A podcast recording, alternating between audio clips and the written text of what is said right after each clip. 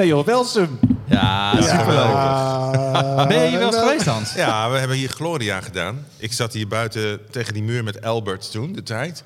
Het liedje nog even op het laatste in elkaar te flansen. Ah, ja. Wat heb je nog aan teksten gewerkt terwijl je hier... eh, Ja, dat was dat liedje van kerst. Wat ging oh, met groen, geel, rood. En er zaten allerlei kleuren in. Oh, vreugde... Nee, hoe heet die? Nou, iets in Een die geest. vreugdevuur, ja, ja. Dat, eh, Ja. Nee, nee, nee. Nee, Nee, nee, nee, nee. Dit is voor mijn tijd, dat weet ik allemaal niet. Ja, maar- uur. Eh, was de- echt last eh, minute. Greensleeves, die... eh, Oh. Ja. Ja. Da, da, da, da, da, da. Ja, maar Ja, dit, is wel, ja. dit is wel de omgeving waar ik helemaal blij van word. hè. Zo'n zo'n echte protestantse omgeving. Ja, Zo'n klein kerkje. ja zo'n bescheiden kerkje zou echt bij deze tijd passen met 25 mensen op zondag. Ja. Ja, Niet eh, mega... Jij, houdt- jouw hart gaat hier harder van kloppen. echt waar. Ik zou hier dagelijks willen komen. Maar dat, wat is dat? Het dorpse, het kleinschalige? Het kleinschalige, de rust, de ruimte, eh, de ingetogenheid van de mensen. eh, zelfs de tegels op de vloer. Alles ademt geschiedenis. En tegelijkertijd zijn we voluit actueel bezig. Oh. Ja. Nou, en voor jou is dit een plek van eh, herinneringen. En, eh, weet, je, weet je nog waar je zat? Of eh, je ja, hebt ook het orgeltje natuurlijk nog eh, gebruikt. Ja, zeker. En volgens mij heb ik met eh, Gloria zat ik daar zo. En met eh Via zat ik volgens mij meer voor eh, de preekstoel.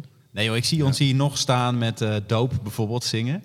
Ja. Ja, met z'n armen om elkaar heen. En dan eh, dat, dat Ja. we dat met elkaar gingen zingen. Ik weet nog dat we op het orgel zaten en dat we Ik Ben gingen doen. En, Ja, herinner ik me en, en, en s- waren ze hier beneden aan het zingen. Ja. Ja, ik heb daar nog iets van gevonden in de archieven, maar dat komt zo meteen wel. Maar het eh, tweede seizoen van de Cela podcast. Ja, we hebben de, jij was bij de eerste, joh, maar we zijn alweer bij eh, seizoen 2. En dit is dus eh, ja, aflevering 1 van seizoen 2. Nou, zullen we maar gewoon eh, starten? Ja, als je en nog dan, eh, Je hebt nog genoeg liedjes in ieder geval voor seizoen 2. ja, en seizoen 3 en seizoen 4. Oké. ik weet het niet. Eerst maar eens even seizoen 2. Ja, je luistert dus naar het tweede seizoen van de Cela podcast. Na een paar weken van herbezinning en evaluaties en reflecties gaan we weer fris en fruitig van start. Eh, nou, mocht je voor het eerst luisteren, dit is dus de Cela podcast. En we bespreken elke aflevering één Cela lied. Als Cela schrijven we al heel wat jaren nieuwe liederen voor de kerk. En in deze podcast geven we je tips en trucs. We denken met je mee over hoe je de liederen kunt gebruiken. En je krijgt een kijkje achter de Cela schermen. Mijn naam is Peter Dijkstra, ik ben drummer en liedschrijver bij Cela. En vandaag zijn mijn tafelgasten Hans Maat, tekstschrijver voor Cela. En ook degene die ooit Cela is eh, begonnen. We hebben jou eh, eerder founding father eh, genoemd. Ja. nou, en Adriaan Roest, toetsenist en heeft ook veel liedjes geschreven voor Cela. Nou, deze nieuwe serie nemen we dus op in het kerkje van Welsum. Je kan hem ook zien als je kijkt via YouTube. We zwaaien eventjes al naar de mensen op eh, YouTube. Leuk dat jullie meekijken. Hoi, mama. Hallo, hey. Nou, dus ik hoor wel veel van mensen dat ze echt via YouTube eh, echt wel eh, voorkeur hebben. Om dan ook echt ons te zien. Leuk. Dus, toekomst vol van hoop. We dachten, daar gaan we mee beginnen bij het nieuwe seizoen. Een lied dat eh, geschreven is ruim voor de coronacrisis. Maar ik heb ook wat idee dat het juist in de hele coronacrisis, waar we natuurlijk nog middenin zitten, dat juist dat niet door veel mensen is omarmd. Dus goed om daarmee het nieuwe seizoen te starten. En eh, leuk dat jij er weer bent, Hans. Ja, We hebben samen de ooit seizoen 1 afgetrapt met Ik zal er zijn. ik zal er zijn, ja. En nu seizoen 2 eh, ook weer. Nou, er gaan een paar dingen veranderen. We hebben niet de hele boel helemaal omgegooid. Maar eh, we gaan in seizoen 2 toch wel een paar di- dingen anders doen. Eh, bijvoorbeeld eh, seizoen 1 hadden we altijd eh, even bijpraten met Frans. Dat hebben we omgedoopt tot eh, een itemtje op de koffie. En het leuke is dat Mirjam nou ook af en toe bij iemand op bezoek gaat. Dus niet meer alleen maar Frans. Nou, en er komen nog een paar andere nieuwe dingen. Maar dat komt allemaal vanzelf. Leuk. Ja, toch? Hebben we nog wel een ijsbreker? Of, eh? Er komt wel een ijsbreker, maar ik dacht voordat ik aan de ijsbreker begin, heb ik wel eventjes een filmpje van eh, een jonge Ad. Je had het net al eventjes. eh, oh nee. Ja, ik, kijk, ik laat hem gewoon eventjes zien op mijn eh, laptop. Kijk. Ja. is hier eh orgel aan het spelen. Voor een paar van zijn nummers. En ik ga hem even vragen waarom eigenlijk. Adje? Hey. Mooi orgel? Ja, dat is een heel mooi orgeltje. Voor de orgelliefhebbers, het is een Maarschalke Weert orgel. En dat is, is wel echt een goede zijn hele mooie orgels. En waarom ga je het gebruiken? Eh, nou, ik heb een liedje geschreven. Ik heb een liedje geschreven. En, gaan we gewoon helemaal met de orgel doen. een blokfluit. En eh Niek en Kinga gaan zingen. Ja. Wat leuk. Nicky King, eh, ja, grappig. Nou ja, hier, even een gesprekje met Albert. Dat was dus eh, Oh, wat hier zo, hè? 2008. Ja. Zomer 2008. Nee, 2009. Zomer 2009 was het. Maar wat zo leuk was van eh, Gloria, die hier werd opgenomen, is dat eigenlijk de stijl van Sela, die jullie nog steeds hebben, daar is echt de basis gelegd. Jullie vonden op een of andere manier je eigen geluid of zo. Vond ik wel heel interessant. Ja. Ja, Veel folk, eh, invloeden, wat akoestischer. Ja. En we hadden natuurlijk net, we hebben in oktober 2008 live in Utrecht opgenomen. Daar hadden we ook al een aantal nieuwe liederen. CUJ's Light voor mij bijvoorbeeld Ja. is het ook. Daar kwamen ook de liederen bovendrijven die daarvoor eigenlijk ook al echt wel heel geschikt waren voor de kerken. Dus Foto maar Goed kwam langs en Heer wijs mij weg. En toen hebben we die zomer daarna hebben we al eh, Gloria opgenomen. Ja. Dus het was in die zin wel echt een belangrijke tijd. En je, je ziet eigenlijk dat de liederen die we nu schrijven... nog steeds echt wel veel hebben van die liederen die we toen ook dat schreven. bedoel ik. Ja, in die tijd is de DNA Ja. steeds meer uitgekristalliseerd. ja, grappig, van ja. wat, Ja. wat gaat Cela nou doen? Nou, oké, je noemde hem al eventjes, maar we, ga- we kunnen natuurlijk niet eh, zonder de... De ijsbreker. De ijsbreker, die hebben we gewoon in seizoen 2 gewoon eh, erin gehouden. Want dat is toch altijd wel even prettig om even geïntroduceerd te worden in het, eh, in het thema. Nou, ik, voel heb- wel een soort wedstrijd te drang. Ja.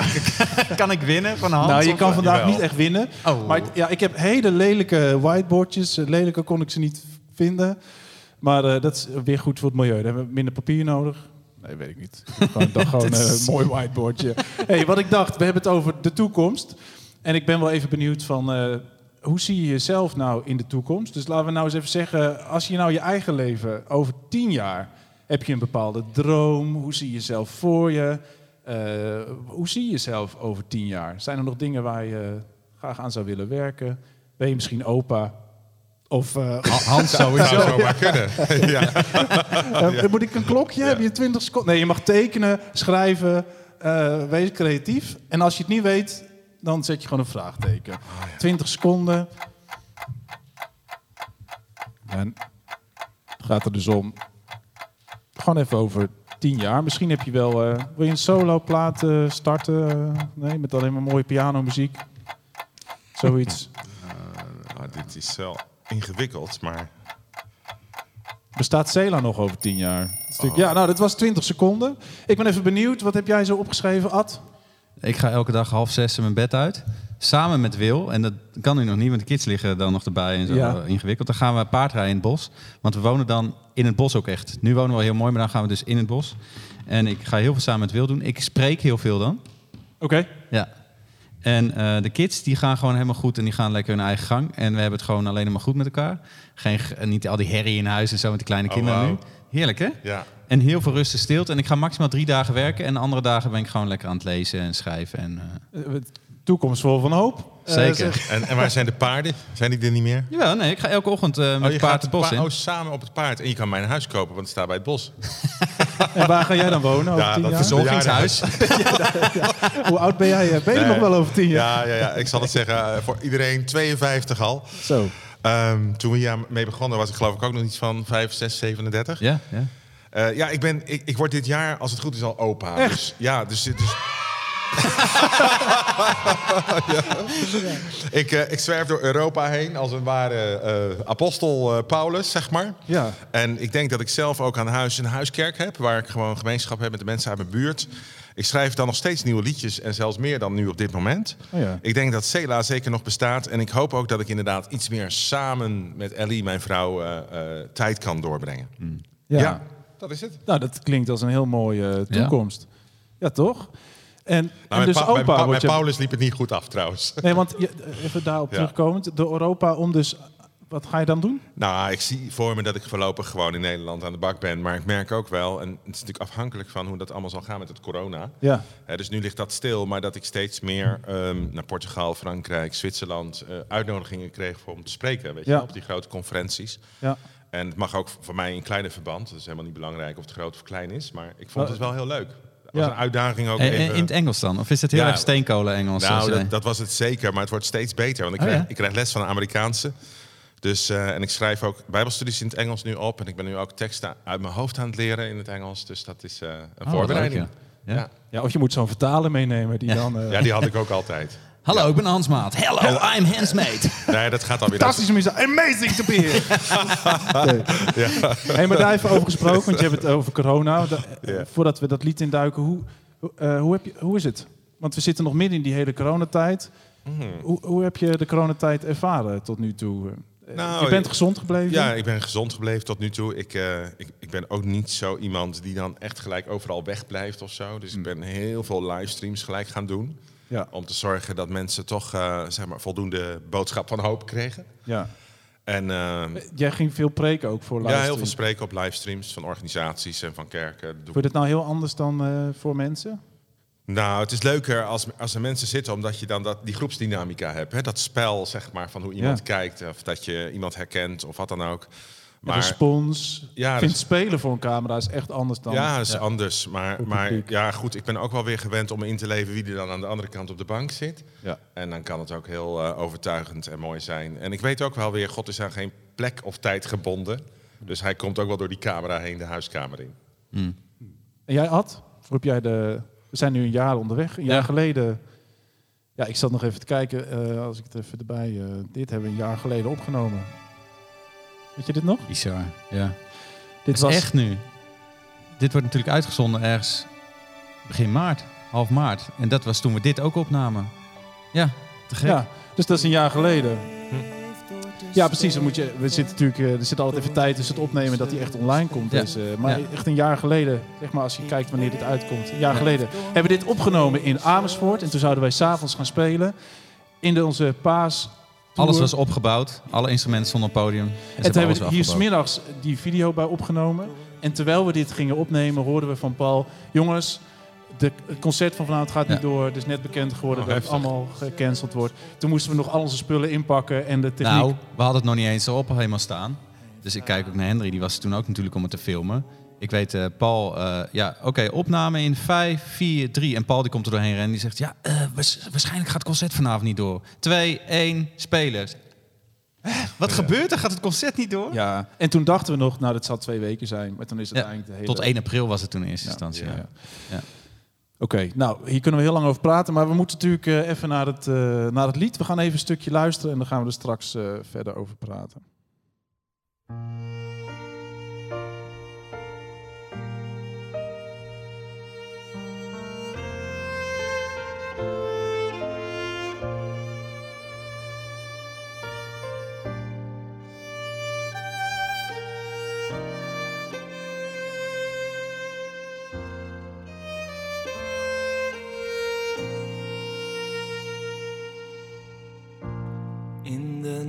Van strijd en zorgen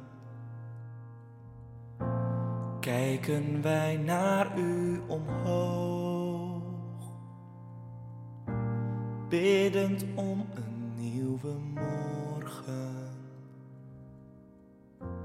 om een toekomst vol van hoop. Ja, tot zover even. Een toekomst vol van hoop. Eh, nou, dat is alweer eventjes... eh, tenminste, eh, hoe, wanneer is dit geschreven? Even uit mijn hoofd. 2019? 2019, hè? Is die uitgekomen. Ja, ja, ja, ja, want Ja. we hebben, ja, ja. Weet jij dit nog? Dat je dit hebt geschreven? Hoe dit Oh, is jawel. ontstaan? Kun je daar zo, eh, iets moois over vertellen?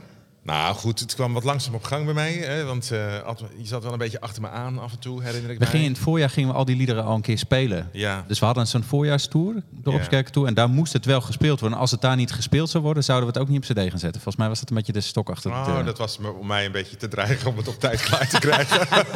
Het heeft gewerkt.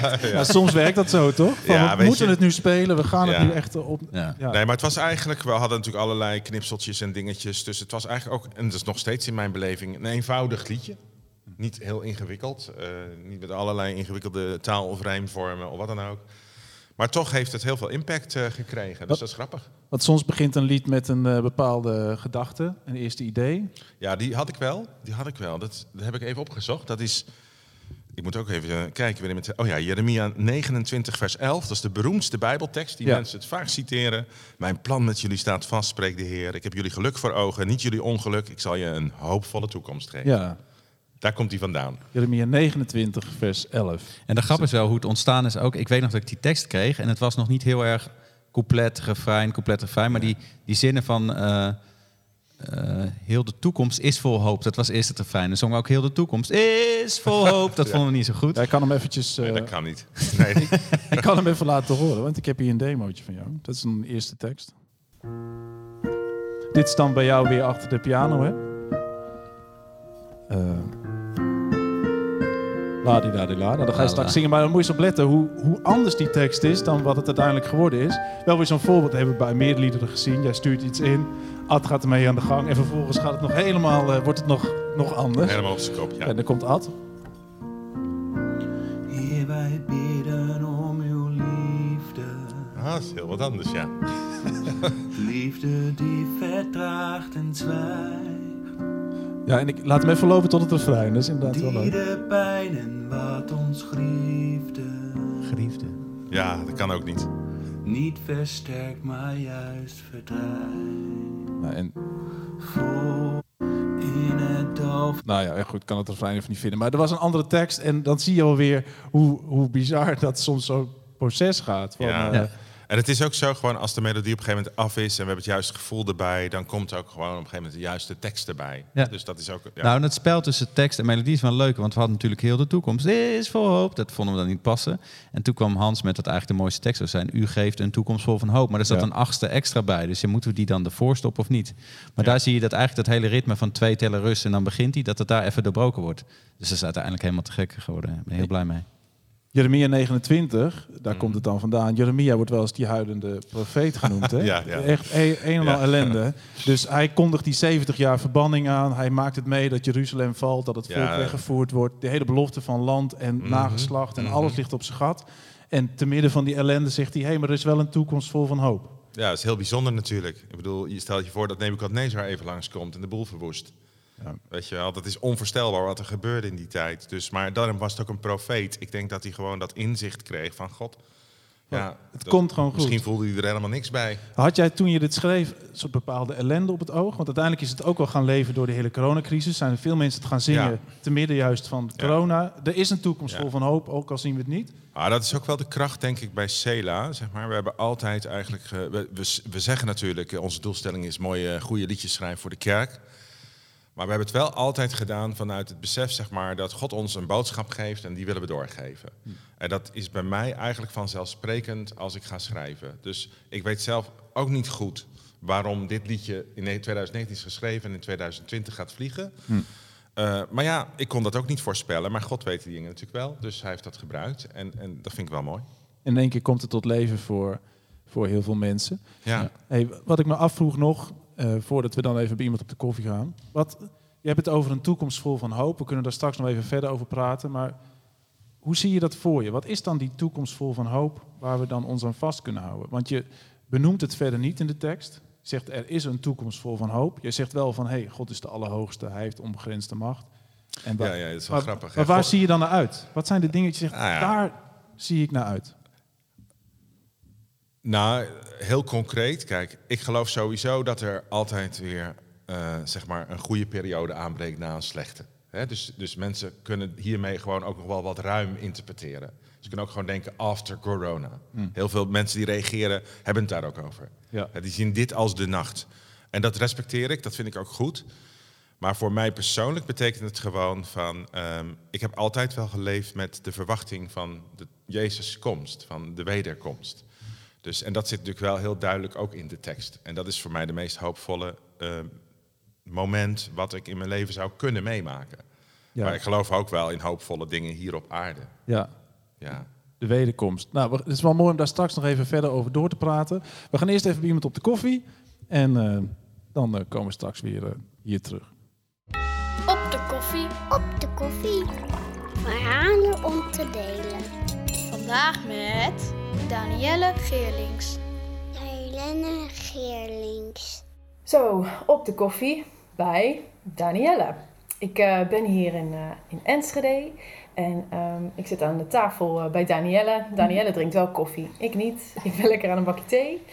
Ik ben hier eh, bij jou, Danielle, omdat wij een aantal maanden geleden eh, een mail van jou kregen. eh, naar aanleiding van ons videoconcert in Bolsward. Ehm, dat was begin september.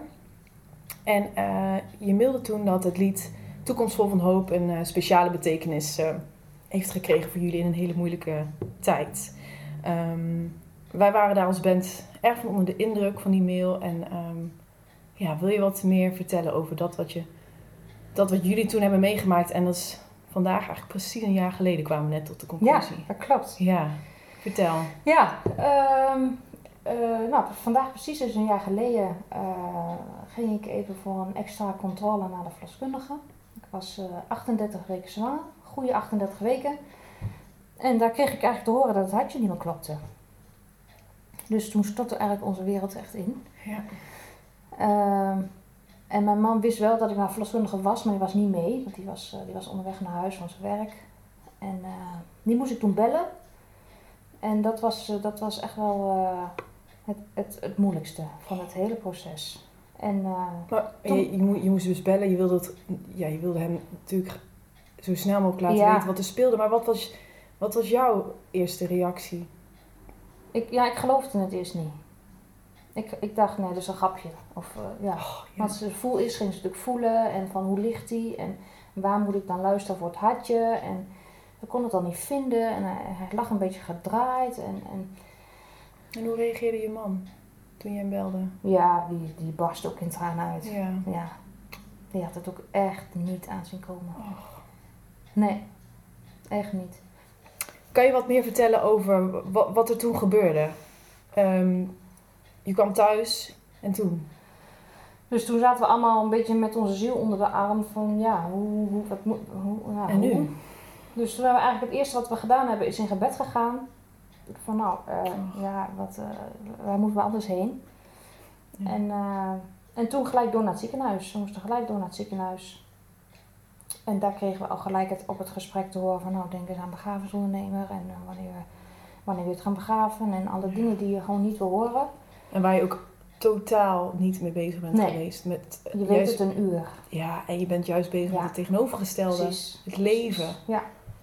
Ja, dus op woensdag kreeg je het te Ja, horen. woensdags kregen we het te horen. En op Ja. vrijdag Vrijdag is zijn jullie naar het ziekenhuis gegaan. Ja. En eh, jullie zoontje dat eh stilgeboren is, heet Micha. Ja, klopt. Ja, en Micha Ja. is dus op die vrijdag geboren. Ja, ja. En donderdagavond is er vanuit onze gemeente een, eh een bidstond gehouden. Wij zaten op dat moment in gesprek met de begrafenisondernemer, dus we hebben dat op dat moment niet gehoord. Maar we konden het gelukkig terugluisteren. En daar zijn we eigenlijk vrijdagochtend, toen we wakker werden, mee begonnen. Ach, wat bijzonder. En, en sindsdien eh, zijn we echt gedragen. Hmm. Dat is echt het moment geweest dat we door het hele proces heen af en toe naar onszelf keken van hé, daar zijn wij. Wat gebeurt maar. er? Ja. Ja, En jullie, volgens mij één dag voor de, de bevalling eh, van Micha, kregen jullie het liedje Toekomstvol van Hoop doorgestuurd. ja, Door je dat, familie? ja, dat was die woensdag.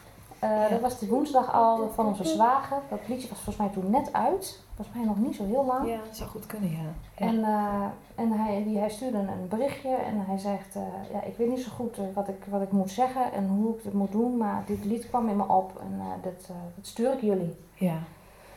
En zo is eigenlijk, het hele verhaal is zo. We zien echt, ja, op dat moment zie je het heel even wat minder, een Ja, toekomst van hoop. Ja, precies. Want dat is misschien ook nog best wel confronterend Ja. om op dat moment zoiets te horen. Want Ja. dit was niet de toekomst vol van hoop die jullie op dat moment voor ogen hadden Nee. natuurlijk. Maar wel de eerste twee coupletten van het vers, van het lied, dat kwam wel weer veel meer naar voren. Echt van nou ja, de, de donkere nacht. Ja, of, eh, In de nacht van strijd en zorg. Ja, nou dat, zo, voel, zo Ja. voelde het ook echt. En, eh, en, en de tweede couplet natuurlijk wat op de kaart staat. Ja, want ik heb hier het, eh, het kaartje van Micha voor me liggen. En er staat op, ehm, op de voorkant... Ook al zijn er duizend vragen, al begrijpen wij u niet. U blijft ons met liefde dragen. U die alles overziet. Ja, terwijl ik dit voorlees, krijg ik gewoon kippenvel. Dan denk ik, wat een geloof spreekt hier uit. En wat een vertrouwen in God. Ja, Wat maar we hebben het ook echt gekregen. Dat hebben we echt gekregen. Ja. Ik, ik kan niet, eh, nou, ik kan niet anders zeggen. Ja. Ik, eh, anders had ik dat ook niet op de kaart kunnen zetten. En het, was, het is wel echt precies zo. We hadden duizend vragen. Ja, En we tuurlijk. begrepen het echt niet, maar we wisten wel. En we voelden ook aan alle kanten dat God ons droeg. En, Ja. en, eh, ja, Ja. echt uit liefde. Ja, Ja, heel, heel bijzonder en heel heftig. ja. dan krijgt dit lied wel een extra betekenis. eh, voor, voor jullie heeft dat al gekregen, maar voor mij ook. En Ja. door dit soort verhalen ook te horen. Ja. Nou, Danielle, echt super bedankt. Heel erg bijzonder dat je dit heftige verhaal en ook verdrietige verhaal hebt eh, eh, willen delen met ons en onze luisteraars natuurlijk ook. Ja. Heel erg bedankt. Graag gedaan. Op de koffie. Op de koffie. Verhalen om te delen. Ja, we zijn weer terug hier in het kerkje van Welsum met Ad en Hans om te praten over het lied Toekomst vol van hoop. Eh, we hebben het er al over gehad dat het lied nou ja, geschreven is nou, ja, een poosje terug en dat je eigenlijk toen al niet kon eh, bevroeden. Bedenken, bevroeden. Ja, dat is heel ouderwets. Dat is een ouderwetse woord. Speel je in Cela of zo? Wat- Ja, de, de houden van ouderwetse woorden af Ja, en toe. dat Nou, ja. Nee, dat je niet kon bedenken wat, het, eh, wat Nee. het zou doen ook. En dat weet je nooit van tevoren. Wat voor verhalen mensen hebben bij een, eh, bij een lied.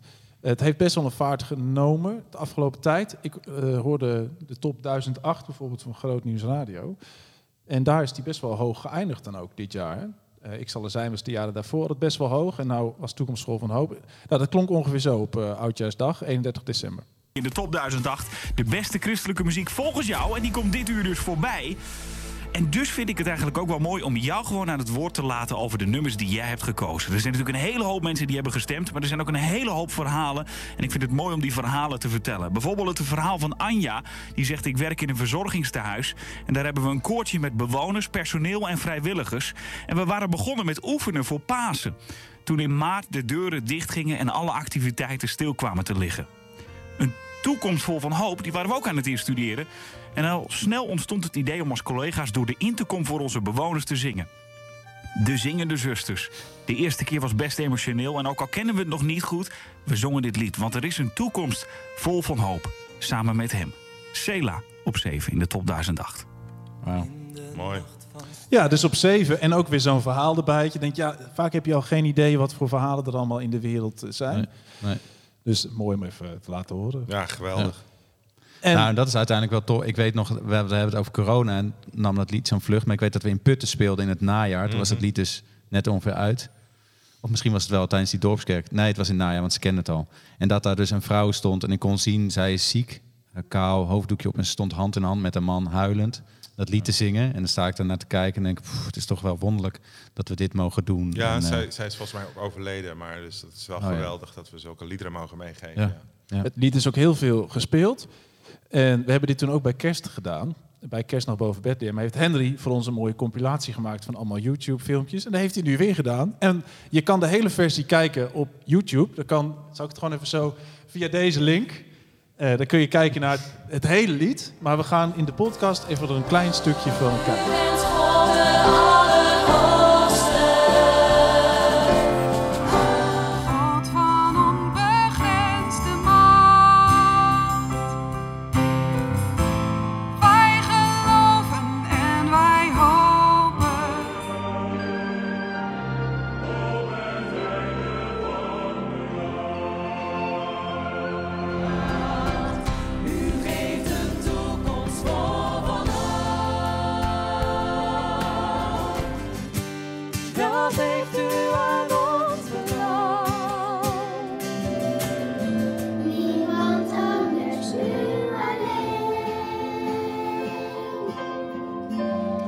Klein voorbeeldje dus. Je kan dus het hele lied... Ik doe de link gewoon nog een keer. Hartstikke idee. En dan eh, kun je het hele lied bekijken. Dus het lied is ja, gewoon heel veel, heel veel gespeeld. Eh, maar toch even concreet nog even terug naar die vraag... wat is nou die toekomst vol van hoop? Je zegt, die, die wederkomst van Jezus, dat zie je dan voor je. Ja, natuurlijk begrijp ik wel dat, eh, dat, dat het wel ook gewoon in je normale leven ingevuld kan worden. Ehm, dus ik denk dat je ook nooit bij de pakken moet blijven neerzitten. Ook al is er een Jeremia-ervaring af en toe. En we hebben het net ook een verhaal gehoord wat er ook niet op ligt. Maar tegelijkertijd denk ik van ja, dat, dat is iets ergens, ergens. je- we kijken altijd terug naar Paas en zo. En Jezus is daar gebroken voor ons, dat is vers 2. Maar uiteindelijk gaat het op iets goeds aanlopen. Hè? Dus alle dingen werken daaraan mee. Het hele plan van God. Hè? Mijn plannen met jullie staan vast. Ik heb jullie geluk voor ogen. En denken mensen, oh ja, dat betekent dat ik binnenkort wel een leuke bruidegom vind, zeg maar. Of Ja. ik eh, kan eindelijk eh, dat huis kopen waar ik zo naar verlang. Maar ten diepste zegt God eigenlijk van... wacht even, ik ga jullie als mensheid herstellen... en ik ga iets heel moois doen en Jezus komt gewoon terug. Het grotere verhaal. Ja, en ik, ik vind gewoon deze tijd... wordt heel veel ook over gezegd en geschreven. Dus in, in die zin is die podcast wel aardig nu. Er wordt natuurlijk wel... heel veel christenen voelen wel aan van... hé, hey, wat is er allemaal aan de hand? Wat gebeurt er? Hoe moet je dat duiden? En ik vind het al hartstikke mooi als mensen ook in de Bijbel... gewoon die gedeelten weer gaan lezen die over de toekomst gaan. En dan Ja. verlies je ook je angst. Ja, maar neem ons eens mee dan, want je hebt het over dat, dat of wat ik hoor in je verhaal, is soms zitten we heel erg in onze eigen individuele situatie. Ehm, maar het is dat grotere perspectief van die heilsgeschiedenis van God neemt de mensheid mee naar een nieuwe toekomst. Dat is met Ja, ja, ja, ja, ja, nee, jij bent ook een theoloog, dus dat, eh, dat is wat. Ja, daar kunnen we over, uren over praten Ja, natuurlijk. en daar, daar wordt natuurlijk ook heel veel over geschreven. En Ja. soms is het ook ongrijpbaar van wat, wat belooft God nou precies en Ja. wat, wat gaat er nou gebeuren.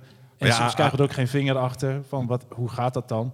Nee, nou ja, kijk, ik weet niet. Ik hoop dat, dat, jullie eh, kijkers dat accepteren en jij ook. Maar kijk, ik ben, ik ben wat minder van dat ik nou zo vertwijfeld daarover ben. Want ik heb gewoon ergens ook die traditie van het woord van God. Ik bestudeer de profetie. Bestaat bijna een derde van de Bijbel bestaat uit profetie.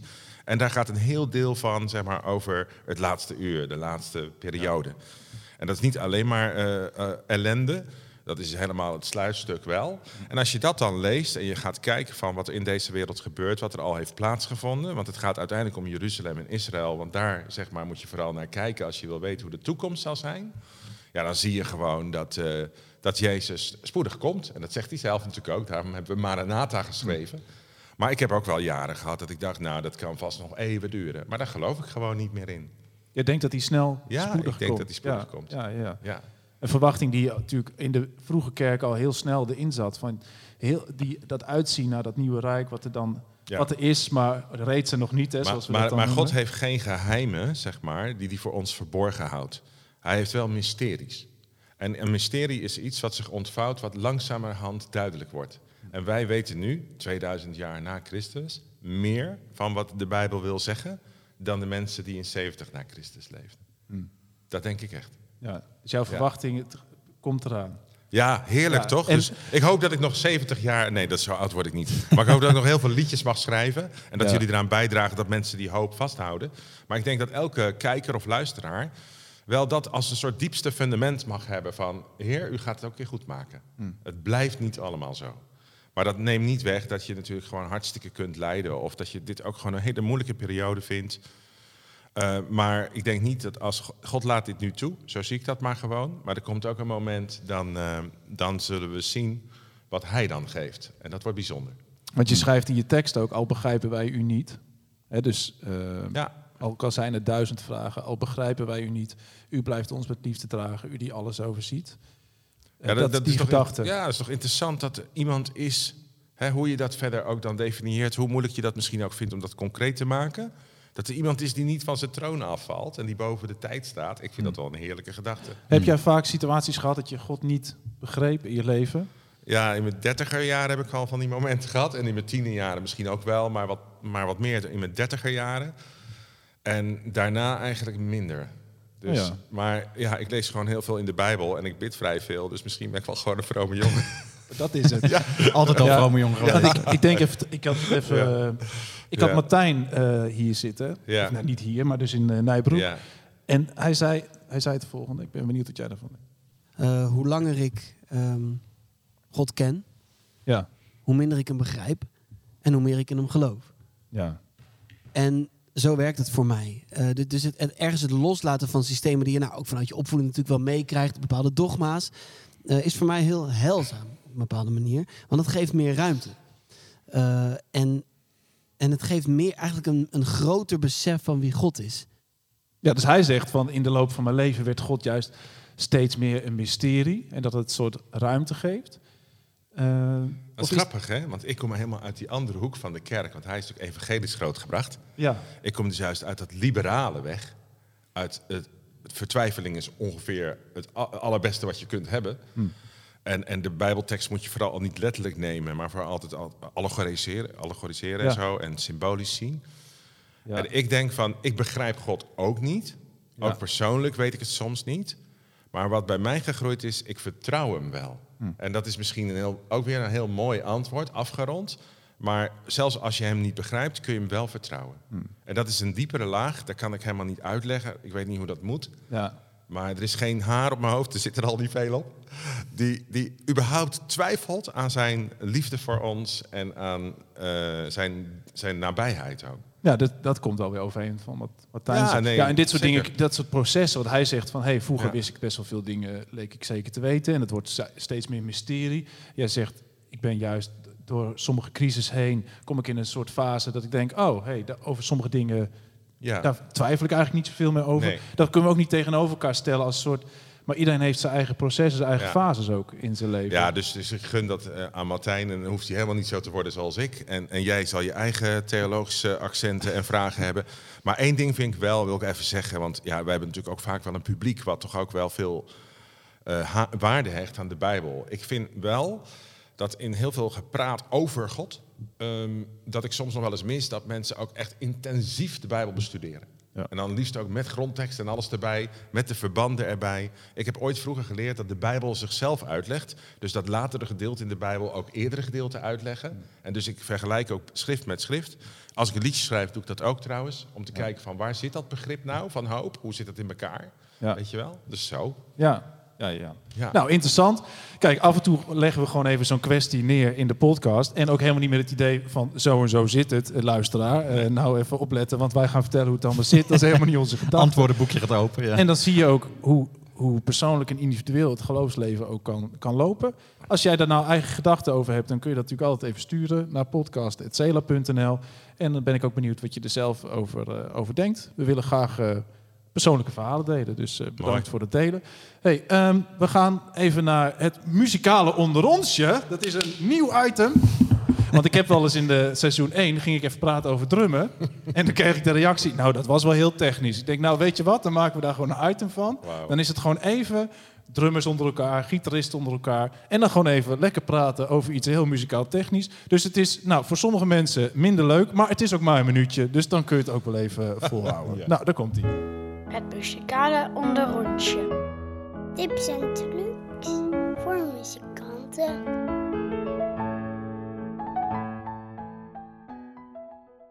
In Toekomst vol van Hoop hoor je een stukje van Bach. Het is de bekende preludium in C uit Das Wohltemperierte Klavier. Een heel bekend Bach-stukje. En als je gewoon het Bach-stukje speelt, dan kun je dus het couplet er ook overheen zingen, een eerste stuk.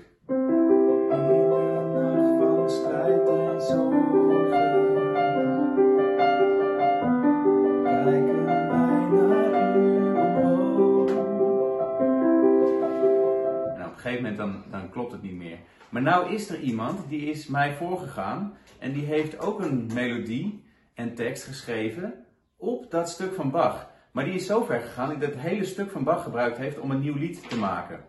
En nou ben ik benieuwd of jij weet wie dat is. Stuur je oplossing naar podcast.cela.nl. Dan ga ik nog nadenken over een prijs voor eh, de winnaar. Ik ben benieuwd naar je antwoord. Ja, ik zou het niet weten. Wauw, wat leuk dat. Weet jij het, Hans? Ja. Nee, ik weet het ook niet. Ik wou zeggen, anders moest er zo'n piep op als je het antwoord zou geven. Ik moet het niet zeggen. Nou, dat was even voor alle pianisten. Hopelijk vonden jullie het gezellig, zo gezellig, even samen. Ik heb ook nog overwogen om dat ding in akkoorden uit te schrijven. Dat ik dacht, ja, je kunt er gewoon een akkoordenschema van maken. Ja. En gewoon een Bach-liedje in een akkoordenschema spelen. En volgens mij is het, is het ene laatste akkoord is ook een soort van eh eh, halve minute of zo. Eh, maar goed, ik heb uiteindelijk hiervoor gekozen. Ja. Ik ben benieuwd naar de antwoorden. Ja, dat kan dus gewoon naar podcast.cela.nl. Ja, oké. Nou, dat was eh, dat. Was dat. Ehm, is het lied verder is het ingewikkeld om te spelen eigenlijk? Als we even doorgaan op die technische kant. Ehm, nee, denk het niet. Waar moeten mensen op letten? Als je Ehm, een soort algemene tip voor de... Oh, help. Ik heb nog steeds de neiging om dan die tip te geven die ik altijd als eerste zeg. Ja, dat is onze vaste tip, weet ik al. Misschien kun je die ook onder een knop stoppen. ik- Geef hem maar, geef hem maar. Nou, ik wil eigenlijk een advies. Oh. nou, echt, Nee. doe gewoon zo min mogelijk. Dat is... eh, Dat was Ja. Nee, dat blijft onze vaste... eh, Weinig noten. Nou, en wat leuk is, eh, als we dan, oh, die minuut was al voorbij hè, met die gekke dingen voor de pianisten. Ja. Wat een leuke uitdaging voor pianisten is om te zorgen dat je elke noot maar één keer speelt. Dus als hij al in de bas zit, dan speel je hem niet in de rechterhand. Dus als je al een S in de bas speelt, ga je niet een S in de rechterhand Nou, spelen. dat vind ik een hele mooie, concrete... en daardoor krijg je een heel oefening. open. Dus zorg dat je elke noot maar één keer raakt. En dan... Ja, is eh, fantastisch. Met al die, die, die, die muziekteams die nu ontstaan in coronatijd. Dan moet je eigenlijk gewoon deze podcast kijken. hè. Want ik weet het tweede akkoord hè, van het couplet. Dus het begint met een bes-akkoord en een tweede is dan, wat is het, een soort F over bes. Maar dan speel ik een Hm. bes in de bas en dan een S, een F en een C. Voor mij is dat echt het mooiste akkoord. Ja, die heb je zelf uitgevonden. Ja, dat is dat ar. en elke keer als ik het speel, denk ik ja. bes. S, F, C. Zo. Nou, kijk. Nou, dat was behoorlijk eh, nog een muzikaal onderrondje. Nog Vet saai, alleen leuk Nou voor ja. de pianisten. Ja. Nee. Nou, we willen dit wat eh, vaker gaan doen. Gewoon een muzikaal onderrondje. Dus eh, volgende week, ik weet het, volgende week is het voor de gitaristen met Tobias. Dus, eh, Leuk. Nou, eh ander dingetje is eventjes, we hadden normaal de vraag van de luisteraar, maar ik kreeg heel vaak geen vraag. Dus ik heb er nu even een ander itemje van gemaakt. De brievenbus. Gewoon even de brievenbus, want dan hebben we ook gewoon soms een opmerking. Ik had natuurlijk de vorige keer had ik gevraagd om feedback en hebben heel wat mensen gestuurd. Dat was het einde van seizoen 1. Zei ik, wat vind je nou leuk en wat vind je nou eh, goed? Dus ik krijg hier bijvoorbeeld, hoi band. Hoi band, dat vind ik wel grappig. Wat een leuke en bemoedigende podcast, dank jullie wel. Zelf speel ik al jaren dwarsfluit in de band van de kerk en begeleiden we onder andere jeugddiensten. De nummers van Cela hebben inmiddels een vaste plek in de liturgie naast de andere bundels. Nou, wat ze erg leuk en leerzaam vindt, is de tips voor de muzikanten en het uitpluizen van de muziek en partijen. Maar ook de inhoudelijke thema's die besproken worden, zoals twijfel, werk. Dat was met Harold en Katen over je dagelijks werk. Eh, en dat gebruiken ze als tips voor eh, jeugddienstthema's. En die, wauw. ze gebruiken dus de, de thema's van de podcast weer in de jeugddienst. Nou, dat vond ik al eh, leuk om Ja. te horen. Ja. Groetjes en hopelijk zien we elkaar gauw weer live van Christine. Nou, bedankt Christine voor die eh, input. Dan heb ik nog een verhaal van Gerda van Krimpen. Eh, best wel ook een heftig verhaal, maar toch mooi om even kort te delen. Eh, die had nummer 9 geluisterd. Dat was dus met Martijn over geloofstwijfel en vragen in ons eh, leven. Heel goed dat jullie het thema geloofstwijfel hebben besproken. Heel kwetsbaar en mooi hoe jullie dit hebben verwoord. Leerzaam ook om elkaar mee te nemen in de zoektocht en de geloofservaringen te delen. Ook wat jullie zeiden over de gemeente vond ik erg waardevol. Nou, zij zegt dan, ik verloor kort geleden mijn man heel plotseling. Het heeft mij als het ware in duizend stukjes uit elkaar doen vallen. En toch kies ik ervoor door mijn tranen en soms wanhoop heen op God te blijven vertrouwen. Hij is te vertrouwen. Hij is liefde, wijs en goed en ik wil hem volgen, hoe mijn weg ook zal, gaan. God heeft mij geen moment in de steek gelaten, ook al voel ik dat niet altijd. En dan zegt ze, ook al zijn er duizend vragen, al begrijpen wij u niet, u blijft mij in liefde dragen, u die alles overziet. Mooi hoor. En dat ze al haar vragen en twijfels bij God eh, kan neerleggen. Dus weer toekomstvol van hoop. Dus misschien wel mooi als we deze podcast eens zo richting een einde brengen. Eh, we zitten dus midden in die coronatijd. We weten niet nog hoe lang het gaat duren. Nee. Met welke bemoediging kunnen we nou... Kunnen we, als we het nou samenvatten, welke bemoediging kunnen we de luisteraar geven? Met al die verschillende verhalen. We hebben heel veel verschillende verhalen gehoord. Kun je dus wat gedachten delen? Hans, Zo hé. en zonder te preken. zonder te preken. Ah ja, oké. Nou, kijk. ehm, kijk, op, op dit moment weet niemand precies. Hè, die kan de toekomst kunnen we niet overzien. Kan, dit kan nog een paar maanden, dit kan een half jaar, kan heel 2021 duren. Dat weten we niet. Ik hoop wel dat mensen niet in isolement leven. Dus dat ze anderen hebben, bijvoorbeeld familie. En soms denk ik wel van, nou, als je als gezin of familie bij elkaar bent, ga nog wat meer in elkaar investeren. Ga ook de dieptes in. Ga eens wat meer met elkaar praten. Of gewoon een spelletje doen, weet je wel. En niet alleen eh, boven op je mobieltje spelen. Dus ik vind het ook wel een mooie tijd. Hè? Dus je kan er wel heel eh, ja, benauwd over doen alleen. Maar het is ook een mooie tijd waarin je gewoon even zelf tot rust kan komen. Waarin je gewoon eens een keer mag lummelen.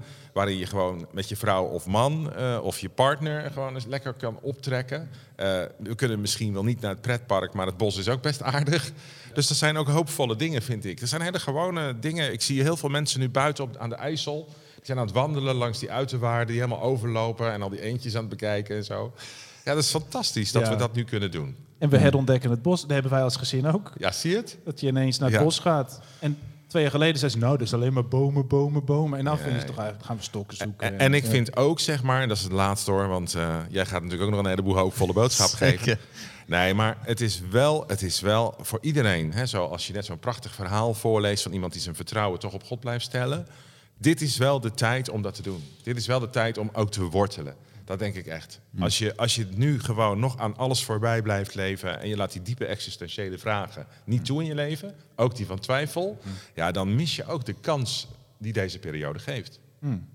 Zoiets. Om opnieuw te wortelen. Ja, opnieuw te Ja. wortelen. Ja, en daarbij dus de... v- Net zoals we begonnen met Jeremia, die heeft een hoop ellende gezien in zijn leven. En misschien zie je zelf ook wel dat je zaak failliet gaat. Of zijn allerlei dingen die Mhm. natuurlijk aan de hand kunnen zijn. En misschien geniet je er wel van met je eigen gezin. Wat je verhaal ook is.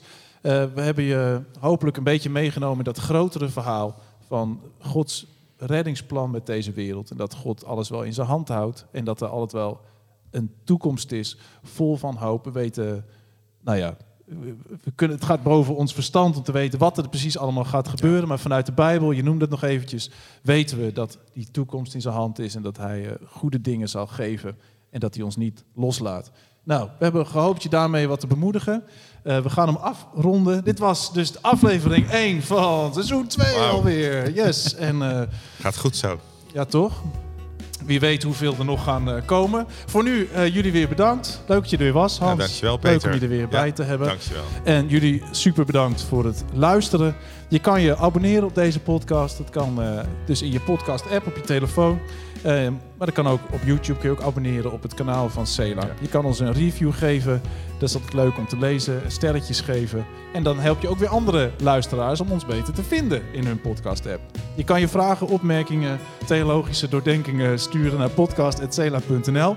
Volgende keer gaan we het hebben over Mijn Herder. En dan eh, zitten hier Annie en Frans. Dus, oftewel, een nieuw lied, nieuwe tafelgasten. Hopelijk weer met jou als luisteraar. Doei!